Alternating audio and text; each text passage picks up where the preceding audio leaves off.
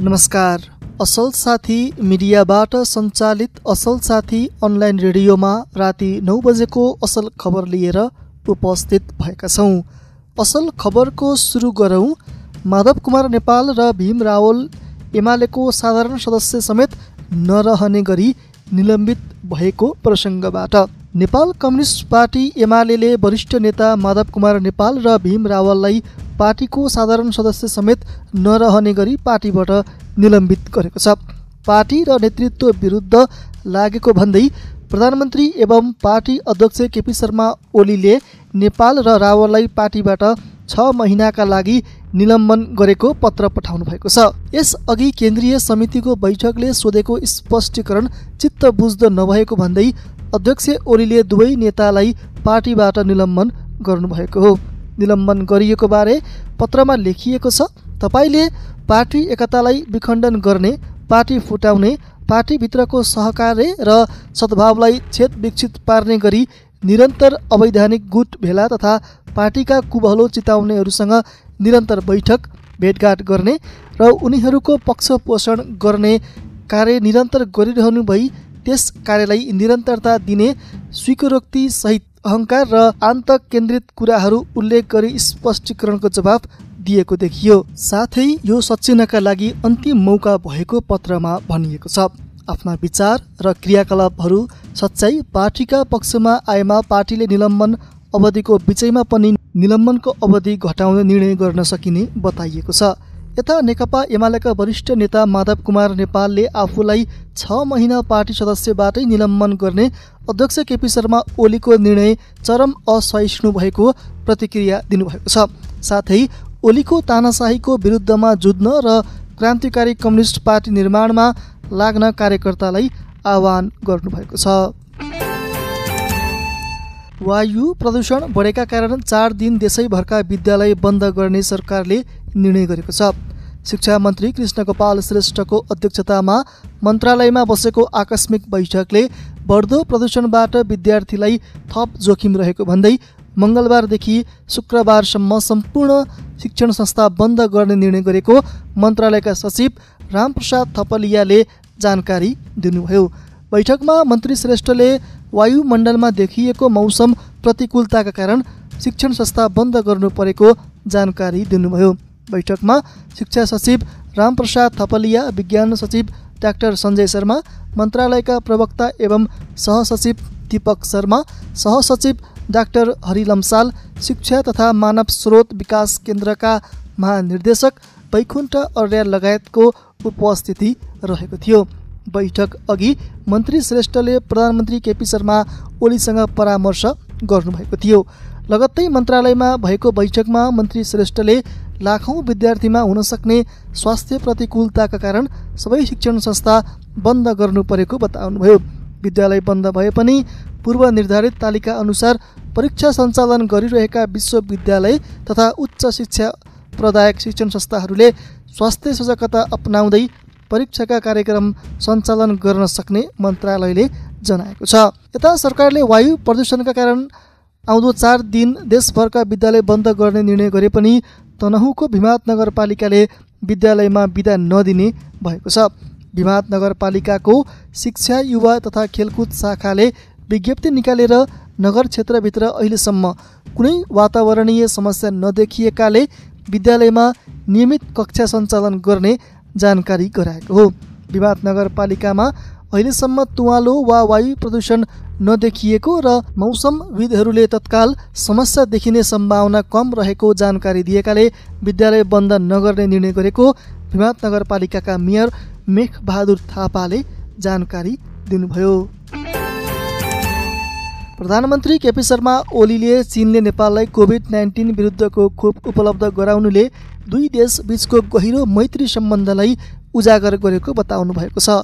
सोमबार प्रधानमन्त्री निवास बालुवाटारमा आयोजित चीन सरकारद्वारा नेपाल सरकारलाई अनुदान स्वरूप प्रदान गरिएको कोभिड नाइन्टिन विरुद्धको खोप हस्तान्तरण कार्यक्रममा बोल्दै प्रधानमन्त्री ओलीले चीनले सहयोग गर्नुले दुई देशबीचको गहिरो मैत्री सम्बन्ध थप प्रगाढ बनेको बताउनु भएको हो। ललित निवास प्रकरणमा तत्कालीन प्रधानमन्त्री द्वय बाबुराम भट्टराई र माधव कुमार नेपालको पालामा मन्त्री परिषदबाट भएका निर्णय मगाउन सर्वोच्चले आदेश दिएको छ। न्यायाधीशहरू अनिल कुमार सिन्हा र हरिप्रसाद फुयालको सोमबार बसेको इजलासले त्यस बेला मन्त्री परिषदबाट भएका निर्णय तथा ती सम्बन्धी प्रस्ताव समेतको प्रतिलिपि झिकाउन आदेश दिएको हो। वरिष्ठ अधिवक्ता बालकृष्ण नेउपानेले दायर गरेको रिटमा सर्वोच्चले यस्तो आदेश जारी गरेको हो। महान्यायाधिवक्ताको कार्यालय मार्फत ती कागजात झिकाउन सर्वोच्चले आदेश दिएको हो। रिटमा अख्तियार दुरुपयोग अनुसन्धान आयोग समेतलाई विपक्षी बनाइएको छ। सरकारले थारू कल्याणकारी सभा थारूहट संयुक्त सङ्घर्ष समितिसँग वार्ता गर्न गृहमन्त्रीको संयोजकत्वमा तीन सदस्यीय वार्ता टोली गठन गरेको छ। सरकारले गृहमन्त्री रामबहादुर थापाको संयोजकत्वमा प्रधानमन्त्रीका परराष्ट्र सल्लाहकार राजन भट्टराई र पूर्व सांसद भगवती चौधरी सदस्य रहेको वार्ता टोली गठन गरेको हो।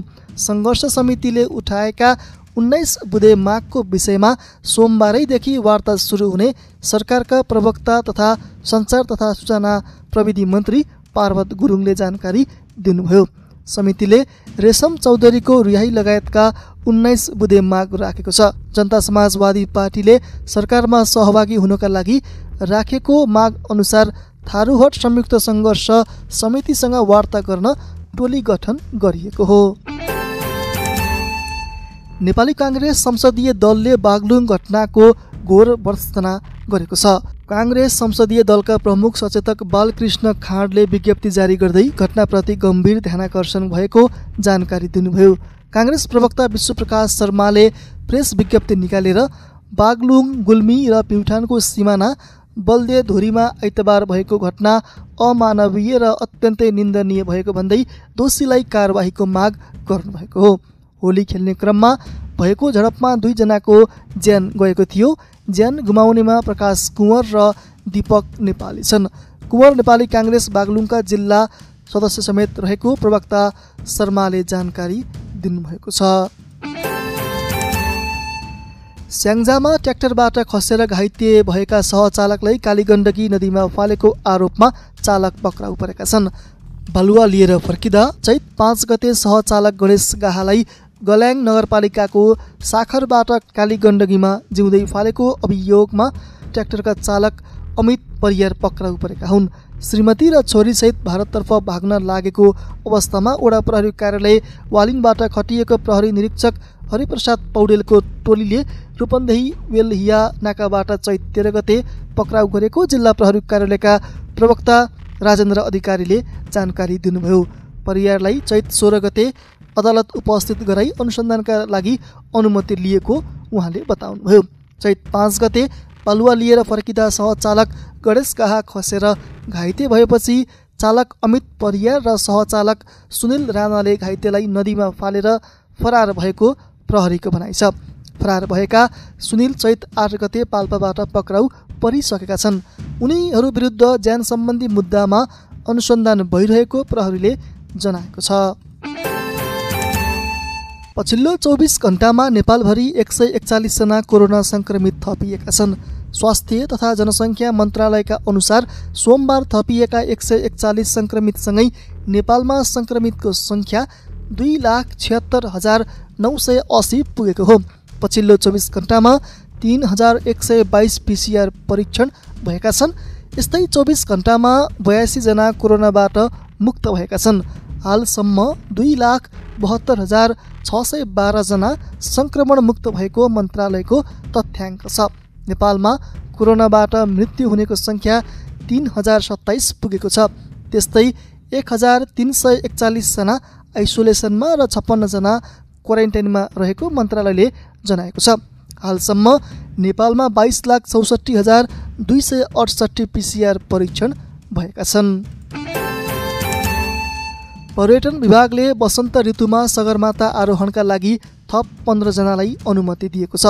सोमबार छजना महिलासहित पन्ध्रजना सम्मिलित एउटा समूहलाई आउँदो सिजनमा सगरमाथा आरोहणका लागि अनुमति दिइएको पर्यटन विभागकी निर्देशक मिरा आचार्यले जानकारी दिनुभयो।